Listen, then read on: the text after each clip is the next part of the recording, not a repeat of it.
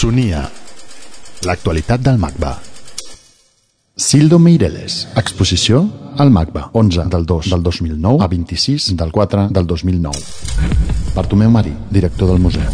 aplega per primer cop el conjunt més gran de treballs de Sildo Meireles, sobretot les vuit grans instal·lacions que conformen el que podríem dir-ne l'espina dorsal eh, del seu treball. I un treball que arranca a finals, a mitjans dels anys 60, eh, dins de la flaire, si volem dir-li així, de eh, l'art eh, neoconcret brasileny, sobretot artistes com ara Lydia Clark o com Elio Tísica eh, varen ser importants per eh, el treball de Meireles que a partir d'aquí busca a través de la- del- de l'impacte en els sentits una nova poètica més enllà de la racionalitat, de l'abstracció que dominaven l'art eh, d'aquell moment. Treball amb les idees i les suposicions. És un treball que impacta primer els sentits per crear idees i no només idees estètiques. Crec que és un, un treball que va molt més enllà del, dels problemes de l'estètica artística per endinsar l'espectador en una situació psicològica molt potent.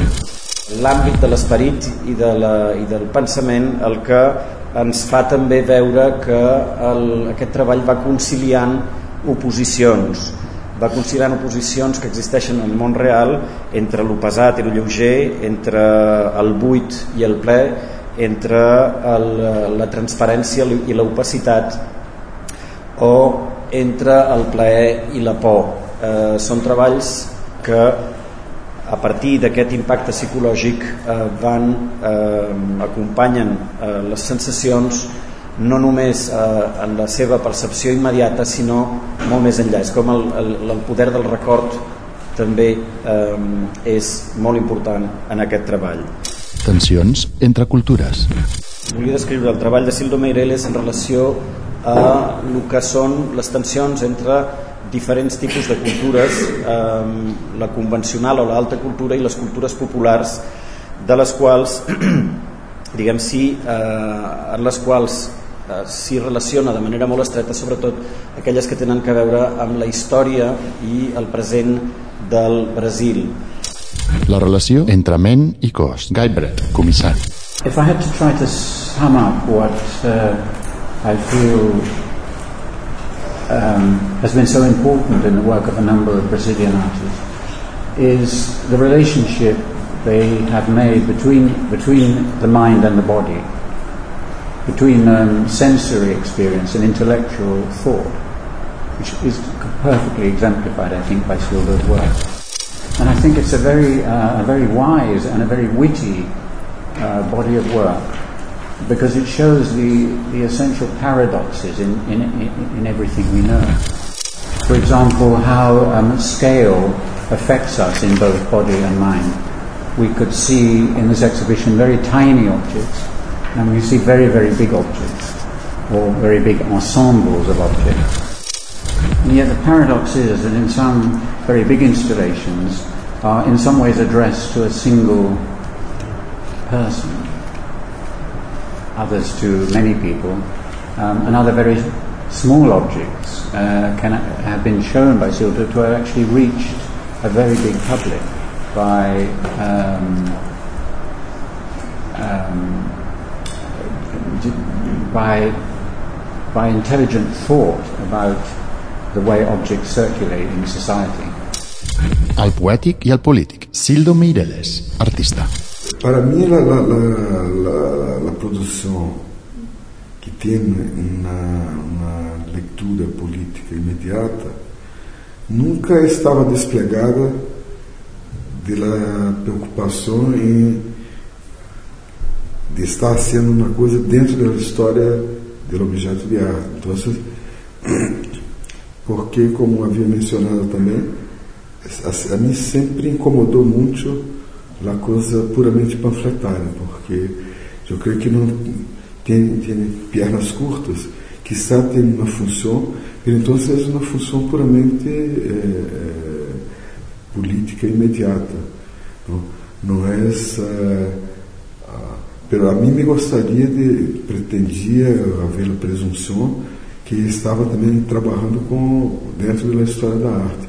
Então, que mesmo nas peças mais, digamos, políticas, tinham questões que, que, que dialogavam com a própria história do objeto de arte. Se tomamos como exemplo das inserções,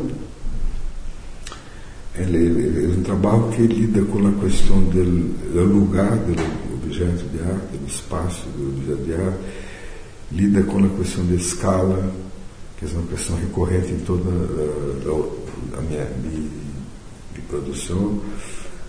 A, a questão da autoria, que é uma coisa que passa em todo, por objeto de arte, e, portanto, por consequência da coisa do valor. Havia preocupações, incluso com coisas que se passavam naquele momento. Desmaterialització de l'art. Para o Brasil era muito importante, muito visível, uh, um texto de Ferreira Goulart, esse poeta e teórico do neoconcretismo, que isso, eu creio que em 59 ou 61, uh, tem um texto que é um texto fundamental, que se chama Teoria do Não Objeto, e que foi muito importante para o neoconcretismo, para Lígia Clark, por exemplo. E, e eu uh, pensava que, então, em 70, quando estava trabalhando haciendo sessões por primeira vez, que quizá houvera o texto, a teoria, mas não havia ainda um, exemplo de, de, eu, claro, como outros de minhas gerações, colegas, nos ocupava de pensar, ou, presumidamente, tentar ir adiante disso. Então, se nesse sentido, é, também o trabalho é, tentava responder a esse desafio.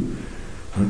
Seja, é, eu creio que em, em, no hemisfério norte a Vila precisou haver, a partir do, dos anos 70, talvez mais tarde aqui no Brasil, na preocupação com a desmaterialização do objeto de arte.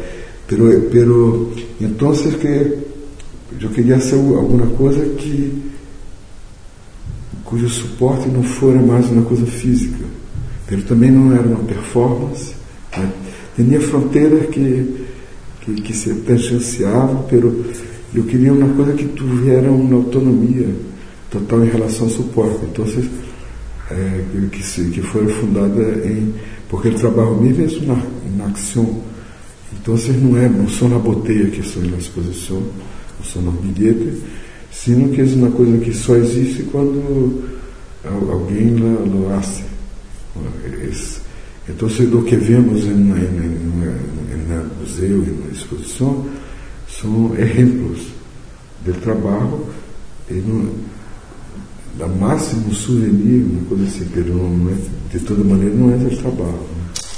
Dibuix, instalació, anàlisi i síntesi. Eu penso nos grandes trabalhos é, como síntese. Para, para mim, o dibujo é sobretudo análise, é liberdade de, de, de, de aí sim, metê-lo todo. Pelas instalações sempre sempre tem uma estrutura, busca uma estrutura muito precisa, muito sintética e que há essa que há essa coluna, que há que há essa esse esse, esse central né? e que de alguma maneira que te encaminhe para, para um ponto. É ah, é sobretudo uma tentativa de criar estruturas de convergência, mais do que de dispersão. Para mim, o dibujo é, é como rastrear coisas do que passa, do que eu, já nas instalações já sempre busco torná-la mais uh, concisa, mais compacta e mais sintética, que de alguma maneira tem a ver com, com que sala, a primeira que é a Etio, que foi a Eureka Blankenhotland. Tá? Ou seja, isso, uh, de uma certa maneira, sempre essa questão da densidade, ou seja, a divisão da massa, o material que utiliza, por ele volume que isso ocupa. Tá? de maneira que, que se pode ter verdadeiramente uma, uma experiência hacia la densidade, la noção, o conceito de densidade. El joc i l'art. Poucas coisas são mais sérias que um jogo de futebol. Pelo, de toda maneira,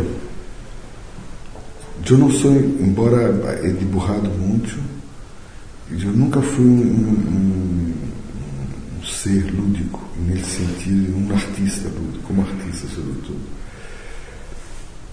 Además, essa é uma questão que se planteou a partir do momento, e sobretudo em la, em, em arte brasileiro, uma espécie de, de, carteira de identidade, uma especificidade de muitos da produção brasileira a partir dos anos 50, meados.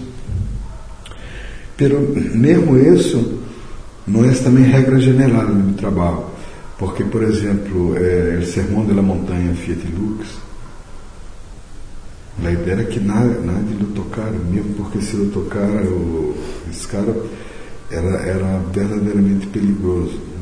porque havia 126 mil carritas com fósforos de verdade. Então, se, se houver uma explosão, imediatamente eu creio que porque sobreviveram à explosão mesmo, de, de, de, morreriam por ausência de oxigênio. Agora, então se me gostava naquele momento com essa peça rugar também com essa coisa de toque, toque, toque. Art e dissidência. Eu creio que a arte também procura ir um pouco na contramano, no contrassenso, né? porque não, não, é necessariamente aderente, por melhor que seja a ideia, uma vez que se, se torna uma coisa hegemônica, né?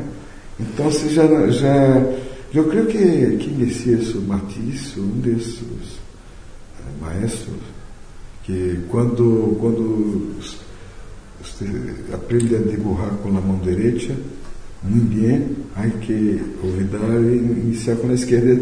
É sempre isso. E quizá quando dibuja com as duas, há que tentar como uma peça de arte línguas, dibujar com a boca, o lápis nas bocas. Né? Não sei, há uma coisa de, de desafio, pero de dissidência, eu creio, que é um componente interessante de, de artes plásticas. Né? Pela arte em geral, eu creio, que em artes plásticas existe sempre esse fascínio hacia a, dissidência da perfeição.